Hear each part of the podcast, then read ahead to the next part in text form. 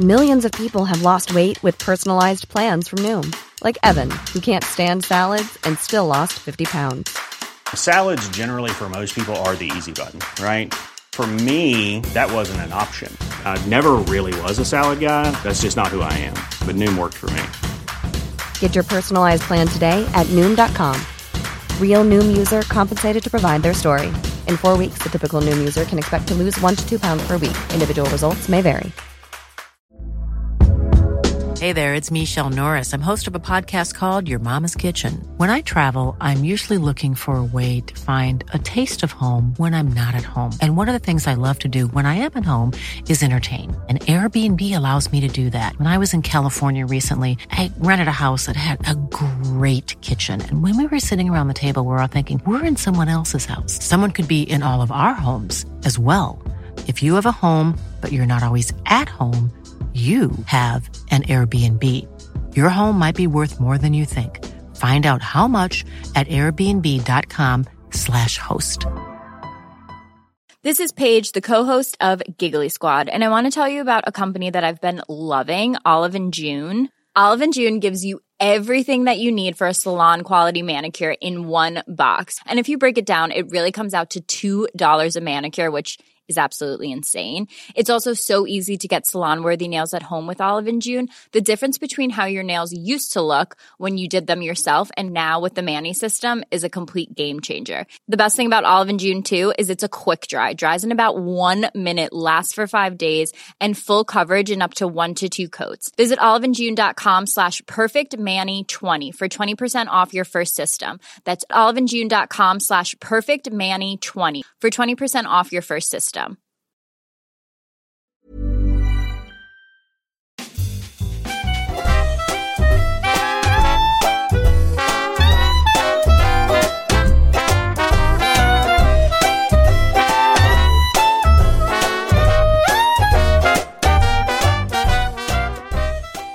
Leo, nu sitter vi här, inte i vårt gröna rum.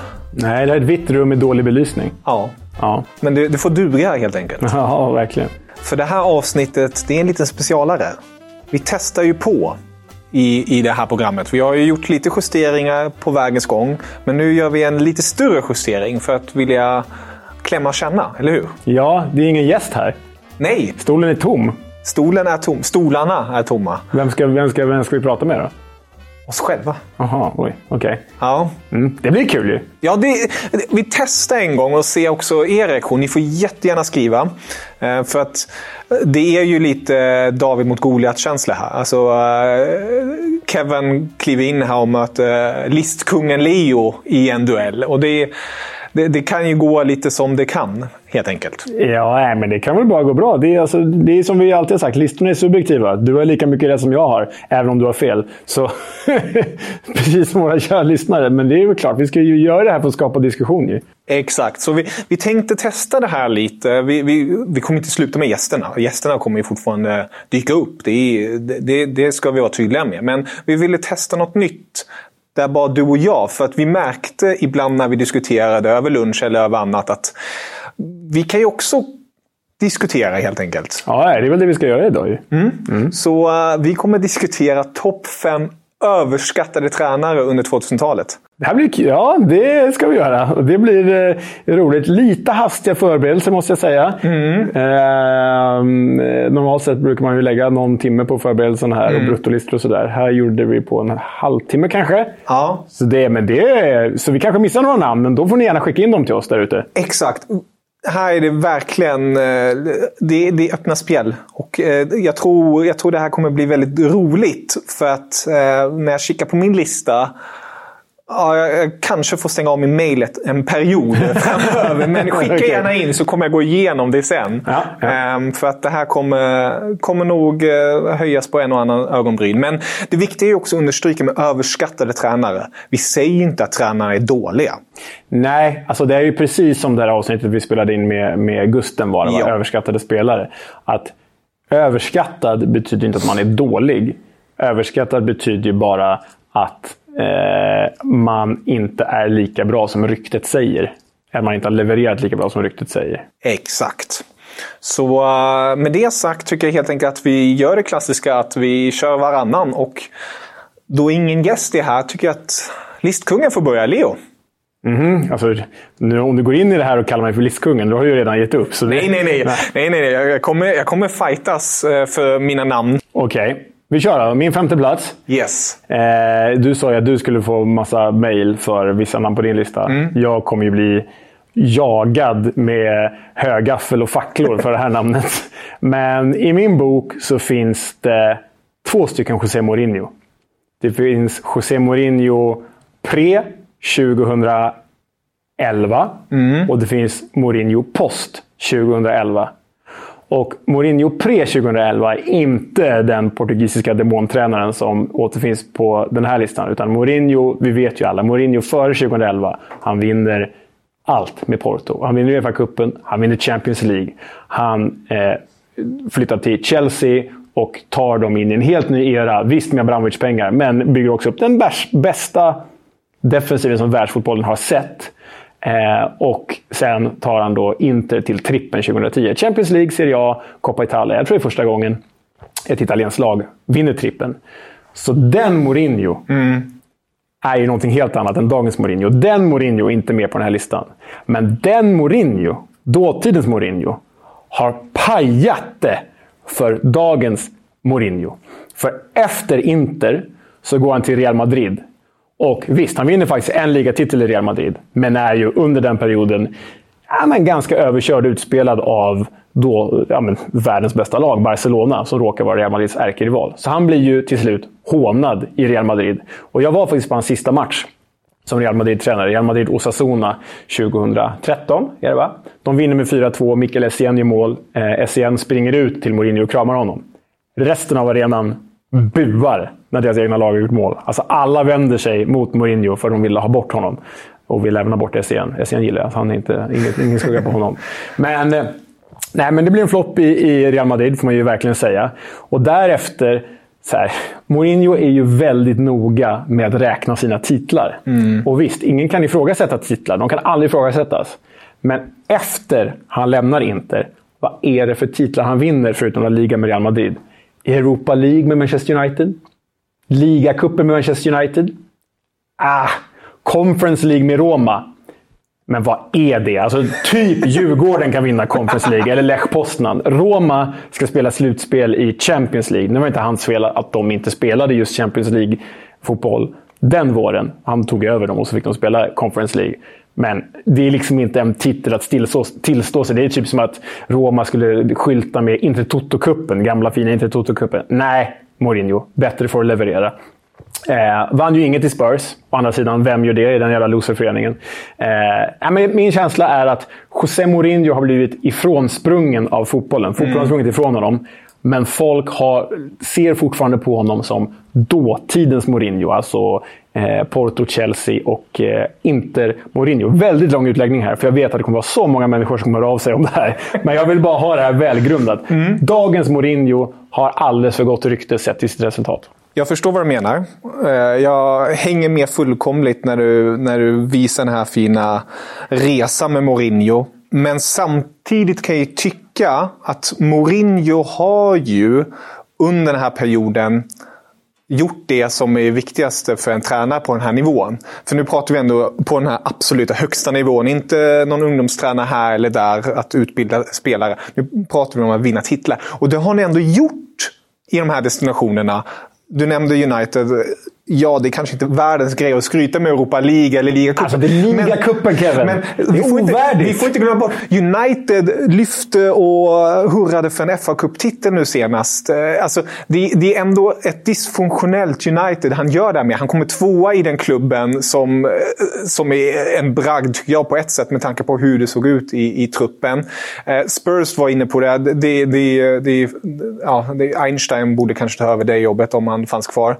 Men han har ändå löst det på alla sätt. Och jag förstår att han kanske inte är riktigt uppdaterad jämfört med de andra tränare som är heta just nu. Men jag tycker ändå att han lyckas, där han väl landar, ta titlarna. Bortsett från Spurs. Nu är Roma till exempel. Roma, alltså, förlåt, men vad har Roma egentligen vunnit under 2000-talet.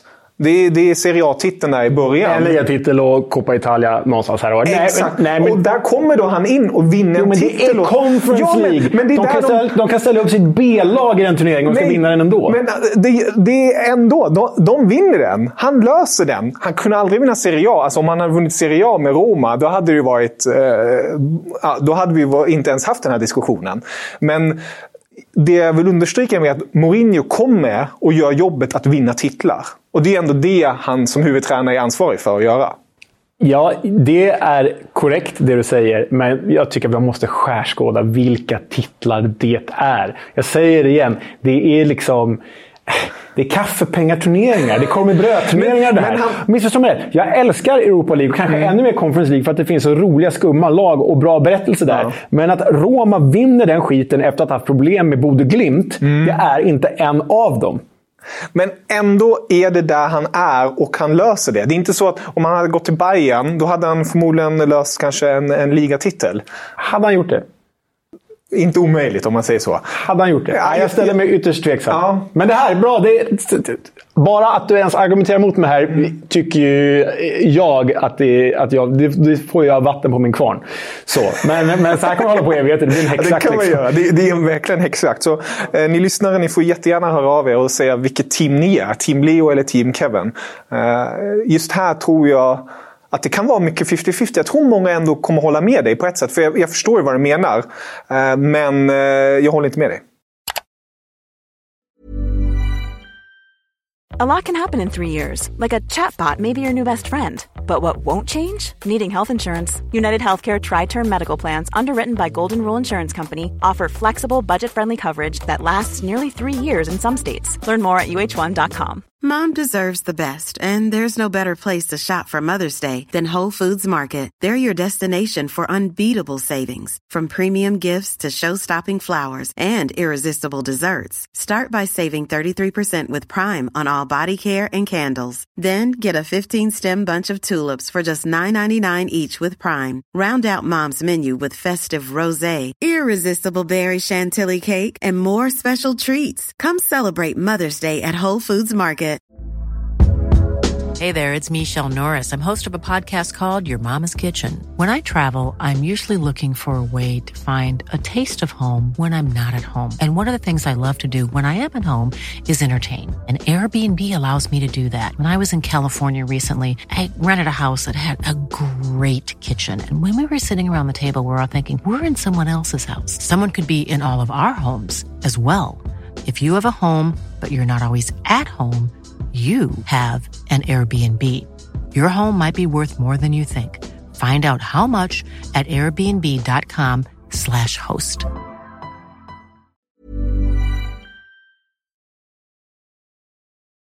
Vem är din femma då? Det här gör ont. Nu, nu går, jag, går jag till något personligt här. Eh, Och jag har funderat mycket på, är jag dum att sätta den här personen på den här listan ens? För att nu tar vi överskattade tränare. Och han är tränare. Han har inte varit det så länge huvudtränare om man ska understryka med det. Men han har ändå varit aktiv och fått jäkligt mycket beröm Slänger på kort tid. Slänger du in Hans i Flick här? Jag Alltså? slänger in hans i flickan. Aj, aj, aj, aj. Det gör jävligt ont just nu. Alltså, I skrivande stund, eller i talande stund, är vi inför EM 2024 i Tyskland. Eh, Det är fortfarande höst, eh, våren 2023. Så vi, det, det är ett tag tills det EMet. Men i dagsläget, ja. Han var en stor part till att Tyskland tog det här VM-guldet 2014. Han var i ass till Jogi Löw. Sägs väl vara den som, som faktiskt tog det Exakt, VM-guldet. exakt. Men sen har det ju blivit lite trippar bland annat till Hoffenheim. Hjälpte han där kort, men det, det var inte särskilt länge. Det som alla uppmärksammar honom på är ju självklart hans, hans korta men intensiva period i Bayern München. Där han gör en Ja, det, det är en helt otrolig eh, bragd han eh, levererar. Han, han tar en Champions League-titel, han tar en ligatitel, han, han tar en cuptitel. Det- Ni hör ju, jag är nästan dum i huvudet att välja honom här. Men samtidigt stod han just nu för en riktigt bitter, ful, genomstekt fisk när det kommer till det senaste VM-slutspelet. Att åka ut med det Tyskland som man gjorde. Med den historiken som man till och med har från VM 2018. Alltså Tyskland har varit på botten sedan 2018. Man gjorde ett dåligt EM med, med Jogi Löw också och sen kommer Hansi Flick in och man tänkte nu ska det lyfta, nu ska man i alla fall bli bättre och sen EM 2024 tar man guldet helt enkelt. Men att man åker ur gruppspelet. Ja, man såg eh, stundtals väldigt eh, bra ut och alltihopa. Men i slutändan var inte resultatet där. Och att han misslyckas med det. Samtidigt praisas som han gör. Då tycker jag att han tyvärr förtjänar den här platsen. Jag, jag har inga jättestora invändningar här. Ehm, det, jag tror att du talar lite i affekt i och med att du är tysk supporter och känner att du behöver en scapegoat för Tysklands fiasko. Nej, men om vi ska vara ärliga så har han ju varit tränare för kort tid egentligen för att bedömas som mm. vare sig överskattad eller underskattad. Supersuccé i Bayern München. Liksom en, en, en oerhörd merit det han mäktar med där. Och sen superflopp i Tyskland. De åker ju i gruppspelet då senast. Men om vi tittar på det gruppspelet. Alltså Tyskland är ju... De slår ju Costa Rica. De är ju... Är, visst nog för att jag satt och jublade på redaktionen när Japan slog Tyskland, för jag gillar ju skrällar. Men Tyskland var ju bättre än Japan. Alltså Tyskland var jättemycket bättre än Japan. Och Tyskland var bättre än Spanien. Spelmässigt gör ju Tyskland en, en ganska, ganska bra gruppspel, men målen sitter inte. Och jag, så här, det är klart att han skulle fått ut mer av Tyskland, men man får också komma ihåg att det här Tyskland som spelar idag, jag vet att det är långt bättre än, massa svenska, än våra svenska spelare, men det är inte lika bra som det var. Det är ingen självklar målskytt, trots att man har den här fyllkrog på bänken. Och det är en backlinje som jag ställer mig jäkligt tveksam till. Ingen självklar till höger. Man liksom har den extremt eh, begränsade... Alltså Rydiger är ju bra, mm. men bredvid honom den här extremt begränsade... Eh, varför tappar jag namnet på honom? Schlotterbeck? Nej, men jag menar... Eh, Syle. Syle. Alltså, det är ju... Om vi ska snacka mm. överskattade backar så... Ah, så här. Manskapet är inte vad det en gång var. Att då kräva VM-guld är ju hårt, men man kan absolut kräva att han skulle gått vidare ur gruppspelet. Så jag, jag tycker du är lite för tidig på att bedöma honom genom att ha med honom på den här listan. Så. Alltså, jag hoppas ju personligen att eh, han försvinner från den här listan efter EM helt enkelt. Att, att han lever upp till lite det han stod för i, i Bayern München. Men i detta nu bär han ju det yttersta ansvaret för landslaget och då med det, det fiaskot som han stod för. Så ja, tyvärr. Eh, han har ju nämnts i andra sammanhang till toppklubbar. Flick, tut mir leid. Mm. Plats fyra. Plats fyra, jag ville få in en engelsman, eller åtminstone någon från de brittiska öarna på den här listan. För de är ju mästare på att överskatta sig själva. Jag var ett tag inne på David Moyes. Men han har ju fått så mycket rättmätigt skit för sin United-sejour där. Och jag är väl i ärlighetens namn förvånad över att han ens fick West Ham nu. så. Men Moyes får ändå inte vara med på den här listan. Han är inte så hyllad egentligen. Um, så jag landar i en annan landslags, i en annan förbundskapten här. Eh, vilket kan tyckas väldigt hårt. Att Gareth Southgate är med på min fjärde plats. Eh, för jämför man med Flick landslagsgärning så är Southgates landslagsgärning fenomenal. Alltså, semi i VM 2018, eh, final EM 2020 som spelades 21 och sen kvart senast i Qatar. Men! Borde han inte fått ut mer av det här gänget ändå? Alltså, eller så här, det är väl nästan ett självspelande piano det här, för det här är ju bortsett Pickford och Maguire, men Maguire är ändå okej okay i landslaget. Mm. Bortsett Pickford så är det här ändå en landslagsgeneration som är en av de tre bästa England har haft på 60 år. Mm. Det är den här generationen, det är Lampard och, och Scholes och Gerard-generationen när de var som bäst. Och så det tidiga 90-talet när Gassa stod i sin prime. Det är ju liksom de. Så ska man vinna någon gång, om fotbollen ska komma hem någon gång så är det ju med den här generationen. Och nu har han haft tre försök på sig och han har inte lyckats någon gång. Det har gått bra i de här turneringarna. Väldigt bra i två av dem och helt okej okay i EM. Men jag tycker att när han liksom hyllas som riddaren i skinande rustning så vill inte jag skriva under på det riktigt. För han har inte tagit dem hela vägen dit. Som jag nog tycker att han borde ha gjort. Alltså jag menar, det Italien de mötte i finalen där vad var det för Italien liksom? Alltså i ärlighetens namn, de spelade På bra. På hemmaplan också.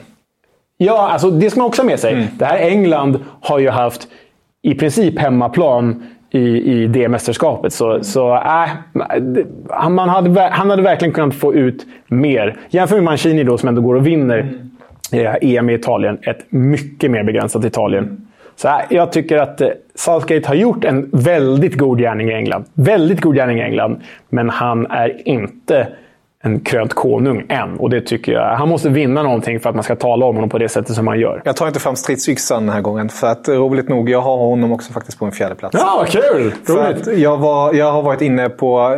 Jag tycker du la ut eh, det väldigt bra där. Men just att han, han har ju uppnått väldigt mycket. Men med det materialet så bör man kanske uppnå mera. Eh, och jag tycker i vissa stunder har det faktiskt också varit mycket stolpe in och lite sånt. Och att han har ja, inte riktigt levererat som matchcoach och sånt. Så den skriver jag in på faktiskt. Ja, och, så, och du, tittar man på segerprocent, vilket man gärna gör på tränare, då maskeras ju den, eller blir väldigt hög i, i landslagsfall när det kommer till stora landslag. För, för att de möter ju San och Andorra och Armenien i kval. Liksom. Mm. Det här spelar i sig in dagen efter de har bortaslaget Italien, vilket är bra. Det är väldigt bra gjort. Men som sagt, han har gjort det bra i England. Han har gjort det jättebra, men inte så bra som han faktiskt hyllas för. Vem har du då på tredjeplatsen om vi går till pallplatserna nu? För nu, nu blir det nu blir jäkligt svettigt. Nu kommer du bli förbannad. Åh, Där har vi en tysk. Eh, jag vill säga att jag uppskattar den här mannens fotbollsgärning enormt. Jag tycker han är en rolig person också. Nu garderar jag mig där som ja, Gustav pratade om i, i första Klassisk avsnittet. Leo. Ja, men jag vill säga att det är skillnad på att bygga ett fotbollsprojekt och på att träna ett lag. Mm. Och därför dyker Ralf Rangnick upp här.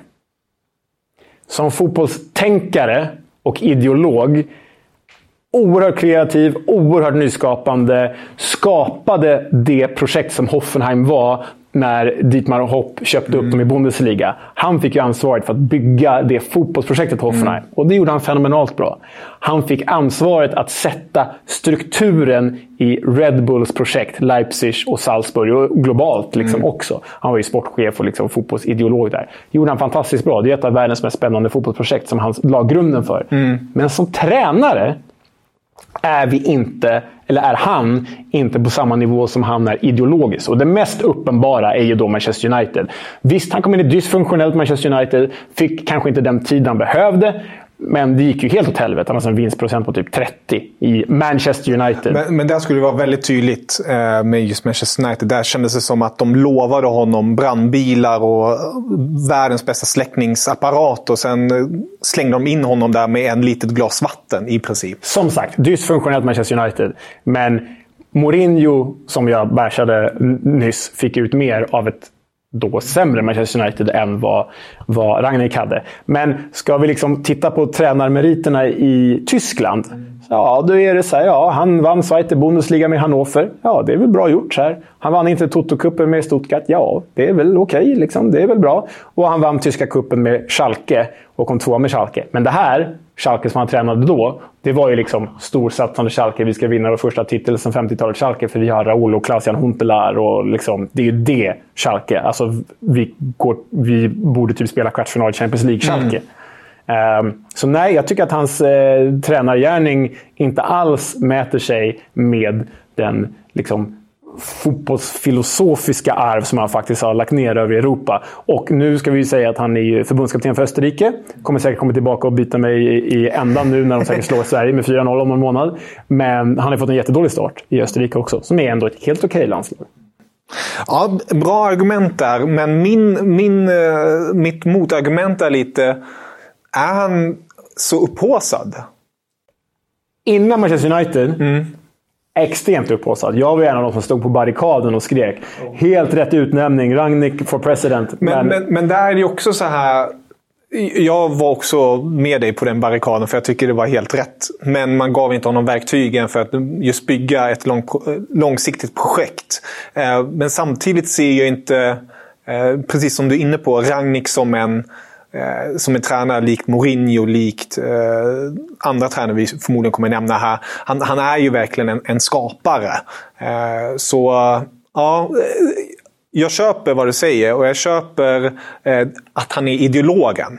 För det är jag hundra på. Men samtidigt så här, är han överskattad för att vara så överskattad för att vara med på den här listan. Och på en plats tre till och med. det är Ja, men desto... jag, ja, jag tycker det. Han skulle ju liksom... Här kommer eh, världens mest spännande tränare in och ska revolutionera Premier League. Och så gick det som det gick. Ah, det, överskattad tränare, fenomenal ideolog. Ja, nu har jag ett annat stort namn eh, som eh, jag tycker, det ska understrykas här, han har varit på flera adresser med kanske mindre eh, Eh, kapital med mindre resurser. Eh, nu senast de två adresserna var det betydligt mer resurser, får man minst sagt säga. Men samtidigt tycker jag att det är... Jag ser inte varför han kopplas ihop med alla dessa stora klubbar ständigt. Det, det, är lite där jag blir lite. Jag, jag tycker, eh, likt eh, Ralf Rangnick här, inte alls den ideologen, men likt honom där att han kan bygga ett lag och göra det bra med mindre resurser. Är det bra. Men ska han verkligen nämnas i, i Real Madrid-termer och sådana lag? Och då nämner jag då en, en viss argentinare, Maurizio Pochettino. Mm, okay. på, på plats tre. För jag tycker ju, alltså, det, precis som Spurs har han nästan inte vunnit, eller han har ju vunnit, men det är med PSG, inhemskt. Eh, de lyckas ju inte ta den där CL-titeln som vi alla är väldigt medvetna om. Men samtidigt, det som jag sätter honom på den här listan är för att han nämns alltid i de här Real Madrid-termerna och i de här stora, stora klubbarnas termer. Och Det är där jag tycker, är han inte lite för överskattad för att plockas in just där? Jag var ju faktiskt snuddade på Pochettino när jag slängde ihop den här listan. Kanske lite för charmad av hans person. Han är ju mm. väldigt sympatisk. Jättesympatiskt intryck. Lite så lagpappa och så. De där tårarna i Tottenham när de går till Champions League-finalen. Fantastiskt, fantastiska bilder och minnen. Men här, hans gärning i Tottenham. Alltså, han är väl typ Tottenhams bästa tränare på, på de senaste 40 åren. Liksom. Harry Redknapp får ursäkta, men det var ju ingen bra tränare. Han kunde ju bara skrika och vara arg. Liksom. Eh, så nej, jag, jag köper nog inte att han är överskattad ändå. Jag förstår vad du säger. För att han nämns alltid... Han nämns i Real Madrid-termer och, och sådär. Men han har ju bara fått ett sånt försök och det var PSG. Mm. Och det gick ju inte så bra som... Mm. Det, men det, det kanske mer har att göra med att vad för typ av tränare han är. Han känns ju väldigt noggrann, väldigt fyrkantig. Så han kanske passar mer i ett underdogen i citationstecken Tottenham Exakt. än att stå och ha att göra med världens största stjärnor i PSG eller Real Madrid. Ancelotti är ju en sån gubbe som bara går in och en härlig farbror och låter stjärnorna glänsa. Pochettino vill ju ha en annan kontroll än så. Och det kanske inte passar. Jag vet inte om det gör honom till en överskattad tränare, men det kanske gör, till, gör honom till en tränare som inte passar i den typen av klubb. Det, det är det också som är luddigt när man har gjort den här listan. Är, så här, bara, är man överskattad eller inte? Men jag tyckte, tycker mig när man pratar om tränare på det här sättet och nämns i de kontexterna att ja, kan den tränaren bära upp det som en tränare ska kunna bära upp i en sån klubb? Och det tycker jag inte han, han gör. Det är därför han hamnar på den här listan. Men eh, ja, nej. Det var inget, inget större fightande här, men... Eh, nej, men det är här, jag, jag, tycker inte att han är överskattad, men jag, jag tycker du förstår att, min rimlighet? Jag förstår, jag förstår. Jag tycker nog att det handlar om att han kanske bara fel tränartyp för de största klubbarna. Vem har vi på plats två hos dig? Ja, men lite samma, för jag tror inte det är så många människor och personer, fotbollsfans, som liksom håsar den här tränaren. Mm. Däremot, varför får han alla de här jobben? Alltså, Ajax, Benfica, PSV, Valencia, Feyenoord, Southampton, Everton, Holland, Barcelona och nu Holland igen. Varför anställer ni alla Ronald Koeman? Varför gör ni det för? Det går ju inget bra! Alltså, Holland ska vi inte prata om, eller Nederländerna om man vill säga så. Där Orange har bara kommit in i en snurra där de bara byter på Ronald Koeman och Louis van Gaal hela tiden. Men men alltså han var ju, visst, han vann Copa del Rey i Valencia, men flopp i, i ligan. Bara 30% i vinstprocent. Flopp i AZ, som då ett storsatsande AZ skulle utmana de stora bjässarna. Superflopp i Everton, som då var liksom... Han var väl liksom första steget neråt där då egentligen. Eh, i, i, när det verkligen började gå åt helskotta för Everton. För jag menar, de kastade ju pengar på honom och, och, och laget. Han fick ju värva i princip vem man ville och så gick det helt åt fanders. Eh, 55 procent i vinstprocent Nederländerna. Det är väl okej. Okay. Det är inte fantastiskt. Eh, vann ju ligan en gång med PSV och lyckad för 20 år sedan i Ajax. Jättelyckad i Ajax. Men sen dess känns det som att klubbarna bara tittar på hans namn. Ja, det här är en av världens bästa försvarare genom tiderna. Ja, men då måste han vara en bra tränare. Nej, men det är han inte. För det går inte så bra. Han fick kicken från Barcelona också. Visserligen politiskt där också, förstås. Men Nej, jag har svårt att se att Ronald Koeman ska landa större klubbar än typ Southampton, där han faktiskt gjorde det bra. Nu är det, nu är det jävligt tråkigt ju. Nej! Jo. Nej, Jo. Den, också? Ja, Nej. den också. Det, det stod mellan honom och en annan som jag kan nämna ändå. Jag kan ju slänga upp det namnet. Ja. Som jag hade på plats två. Eh, tillsammans, där var jag var fram och tillbaka. Men jag landade på Koman på grund av just den anledningen att han får så många fina uppdrag. Men jag har aldrig sett hans riktiga storhet i, i sitt utförande helt enkelt. Ett annat namn som var lite mer kontroversiellt, som jag ändå backade ifrån, som jag kände så här bara jag, jag kanske skjuter mig själv i huvudet här. Och det är, jag tänkte nämna Didier Deschamps. Nej, nej. Jag sa, vi, sitter med två praktikanter här i, Ja. i rummet. Jag sa till dem före vi, vi började spela in här att Mm. absolut inte Didier Deschamps. Han är ju underskattad. Ja. Och jag var nära på att slänga in honom här. För jag tycker ju, men det materialet han har haft. Han borde, han borde...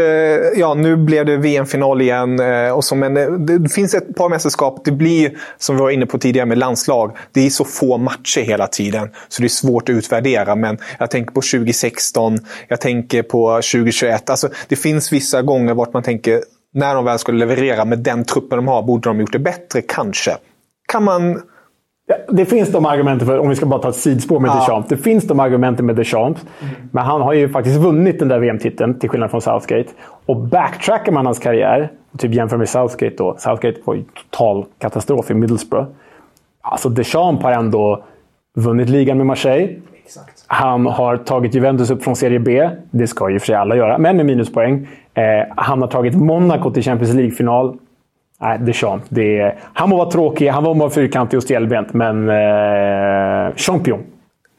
Jag backade på den ehm, och, och följer också på Coman där. För att, eh, jag tycker du la upp det väldigt bra där med, med alla klubbadresser och sånt som han har varit på. Det, Märkligt. Eh, Lite så här som man tänker så här på Pirlo, Gerard, Lampard. Nu är det väldigt tidigt i deras karriär. Speciellt Lampard och Gerard kanske. Det går lite upp och ner där. Men det blir lätt, ah, grym spelare. Sätt in honom där. Det kanske blir något magnifikt. Eh, och det kan man inte tycka att det riktigt har blivit. Nej, bra liknelse med både Lampard och Gerard där, tycker jag. Då har vi kommit till plats ett, Leo. Och nu, nu blir det jäkligt intressant. Eh, den här var jag inte liksom... Den här gubben var jag inte direkt på med listan, men jag kände att när jag väl kom på hans namn så bara ja, han, han ska in här. Han ska in på första platsen för så här. Nu garderar jag mig själv igen, men jag älskar ju fotbollen som han står för. Jag älskar framförallt hans personlighet eh, och jag älskar galenskapen kring den. Han är ju så här... Nej, men, eh, han är GIF-kompatibel om vi säger så. Eh, men eh, ja, jag landar i Marcelo Bielsa. Ah, okej, vänta. Nu må jag landa lite. Ja, okej. Överskattad, ja. Ja, men du vet, så här, det är en sån jäkla hype kring honom. Ja, alltså, otrolig hype. Man snackar kring att han så här, håller på att revolutionera fotbollen med platsbyten, om, om organisationer och sådär. Hur spelarna liksom ska kunna hantera spelet över hela planen. Alla hans träningsmetoder och så. Och enorm hype och snackis. Vår kollega Hasse Backe har till och med skrivit en bok om honom och hans tränarstil. Så jag förstår ju att han har liksom revol- revolutionerat deta- eh, kanske inte revolutionerat, men åtminstone inspirerat människor fotbollstaktiskt. Alltså det finns ju många tränare som eh, har liksom gått till hans skola. Till exempel en av de hetaste snackisarna i England nu är Carlos Corberan som ju tränar West Brom i The Championship och som sägs vara aktuell för Leeds till exempel.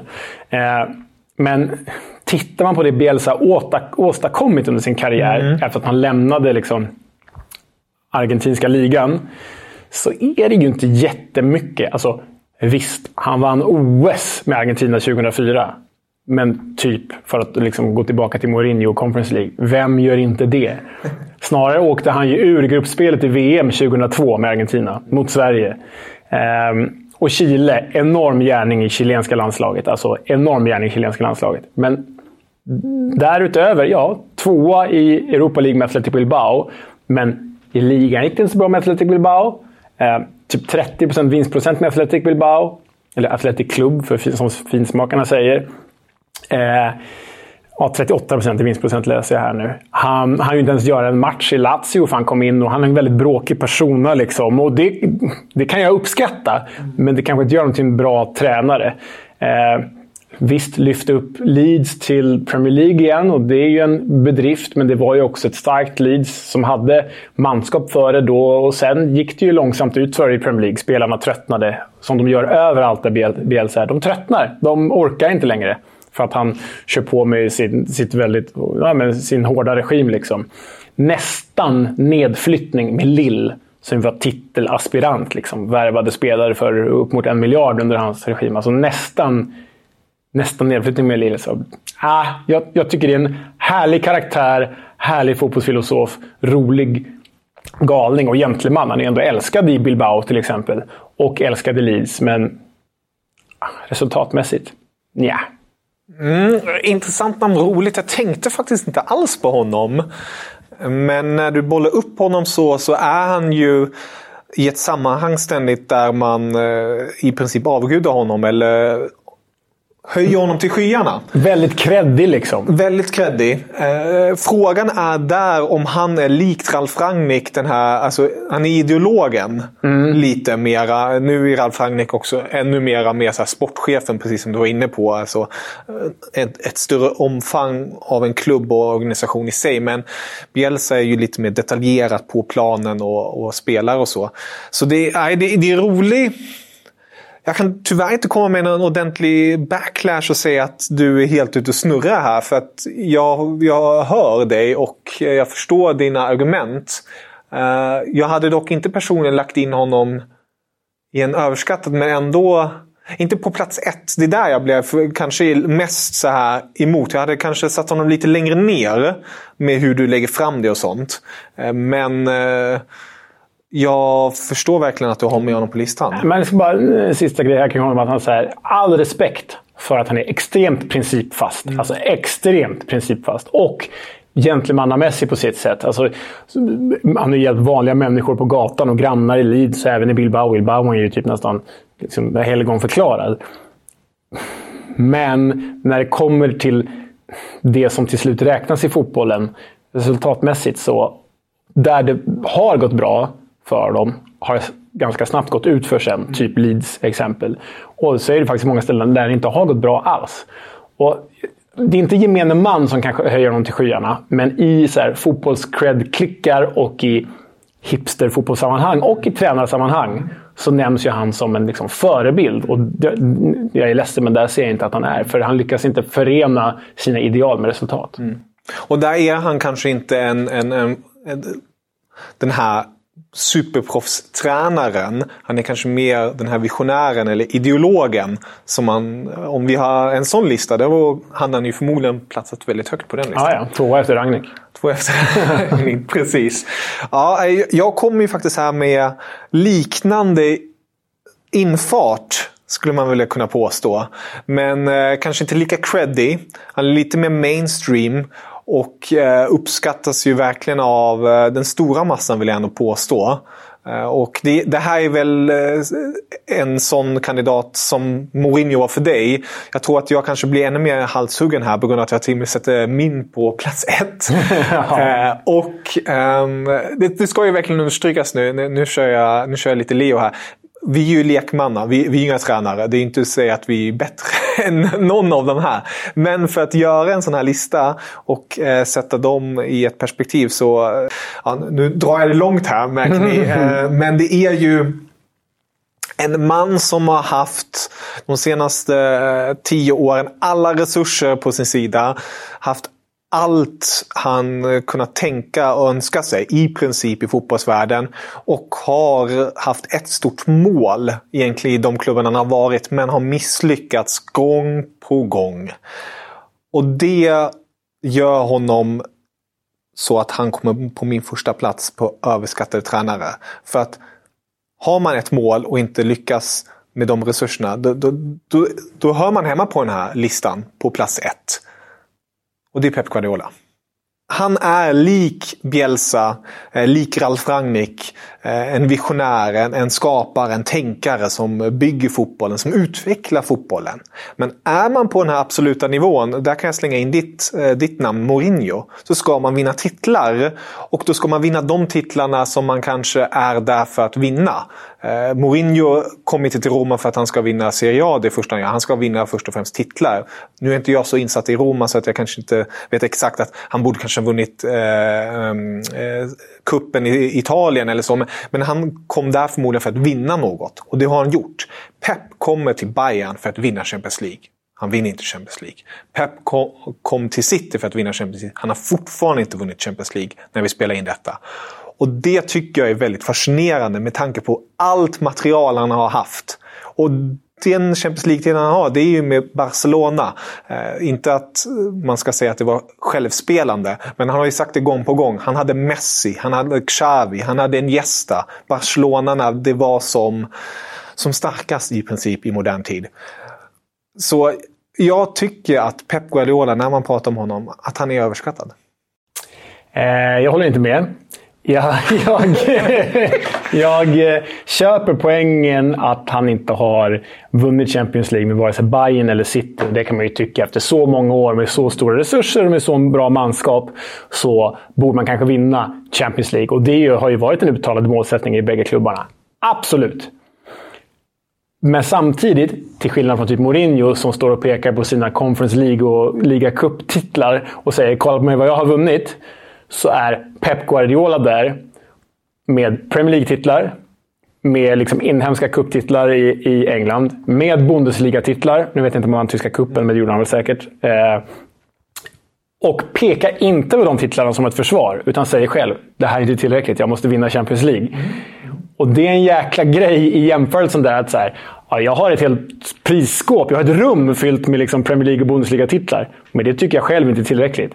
Mourinho har liksom en liten ask med en Conference League-titel och peka på den i, i, i något slags försvar. Så där tycker jag att jämförelsen haltar. Och sen köper jag också att så här, visst, på pappret har Guardiola haft de bästa förutsättningar en, en tränare har haft i världsfotbollen de senaste 15 åren. Barcelona, Bayern München, Manchester City. Vem har haft bättre? Ingen. Men han har också fått ut liksom oerhört mycket av det. Vi nämnde precis titlarna i Bayern och City. I Barcelona, han skapade ju, visserligen med väldigt bra spelarmaterial, men han skapade ju världshistoriens bästa lag. Liksom. Världshistoriens bästa lag var ju Guardiola tränare för. Eh, och det är också en bra lista. Världens bästa lag genom historien. Det är en väldigt bra lista. Eh, men jag, jag, så här. Absolut, det är klart att han borde ha vunnit Champions League med de här två senaste klubbarna kanske gör med City om en och en halv månad. Liksom. Mm. Eller två månader är det väl. Eh, så jag förstår invändningen, men jag köper inte premissen överskattad. Jag tycker snarare att han är liksom en av världens fem bästa tränare kanske. Topp fem tränare ska vi också göra. det ska vi också göra. Jag vet, han kanske också är där med. Det var lite konstigt. Nej, men jag hör det och jag förstår vad du menar. Men jag kan fortfarande inte gå ifrån det att han det, det är respekt till honom att han inte gör, precis som du säger, att han, han ändå är tydlig med att det är Champions League jag ska vinna.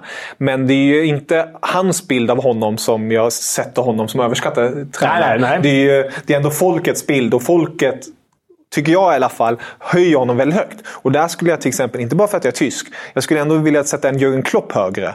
För med mindre, mindre resurser har han både gjort i Dortmund, eh, störtat Bayern München som har varit dominanten där, gjort det väldigt bra.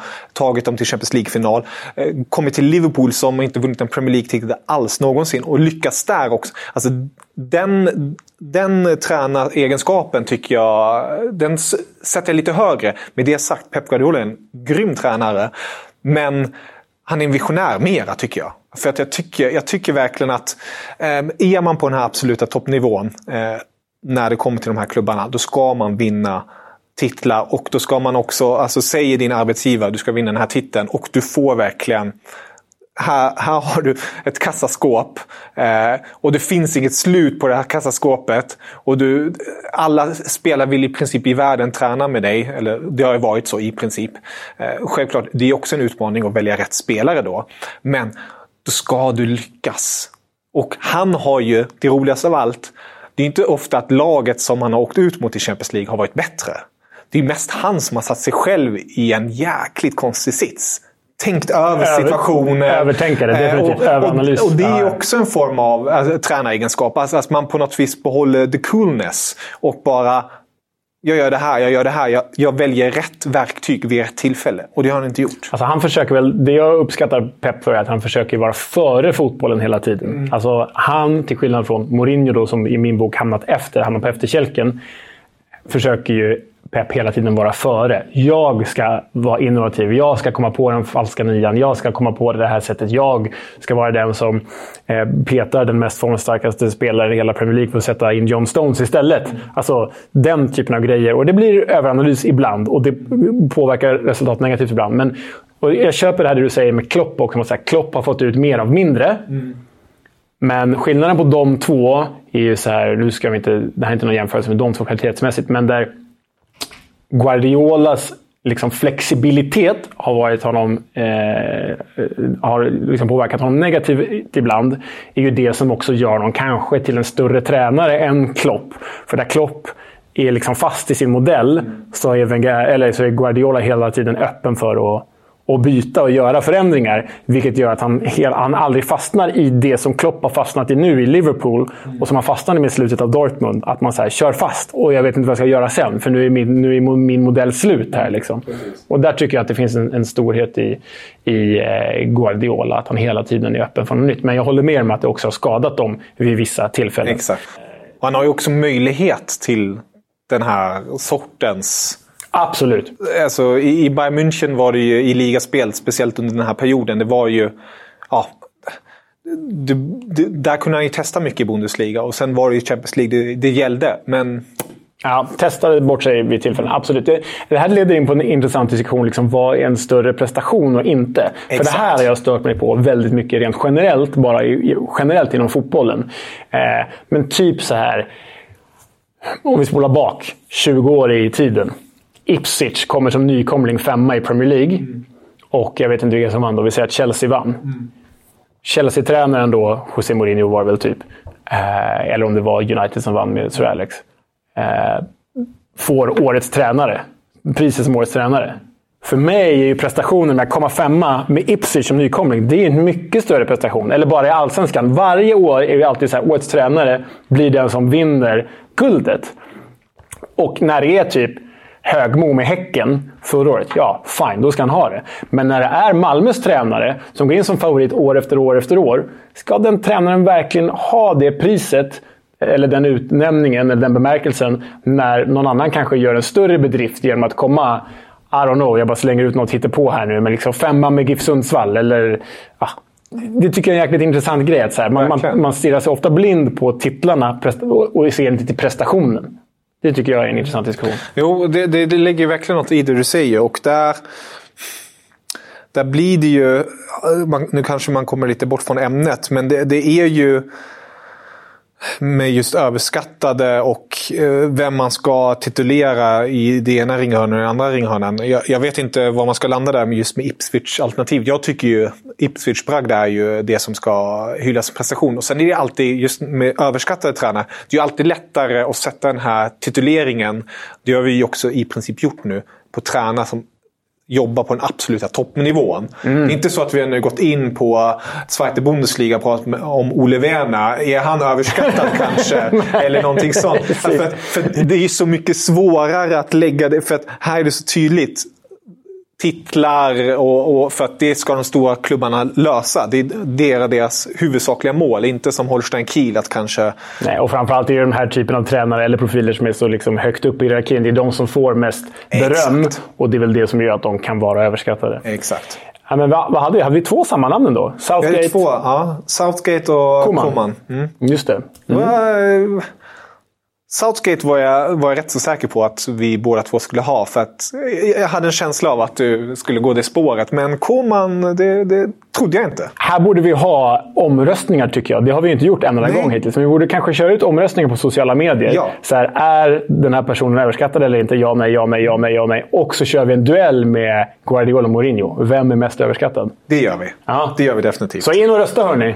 In och rösta, eh, tyck till och, skicka även in era listor. Vad ni tycker och tänker kring just eh, våra, våra listor i sig.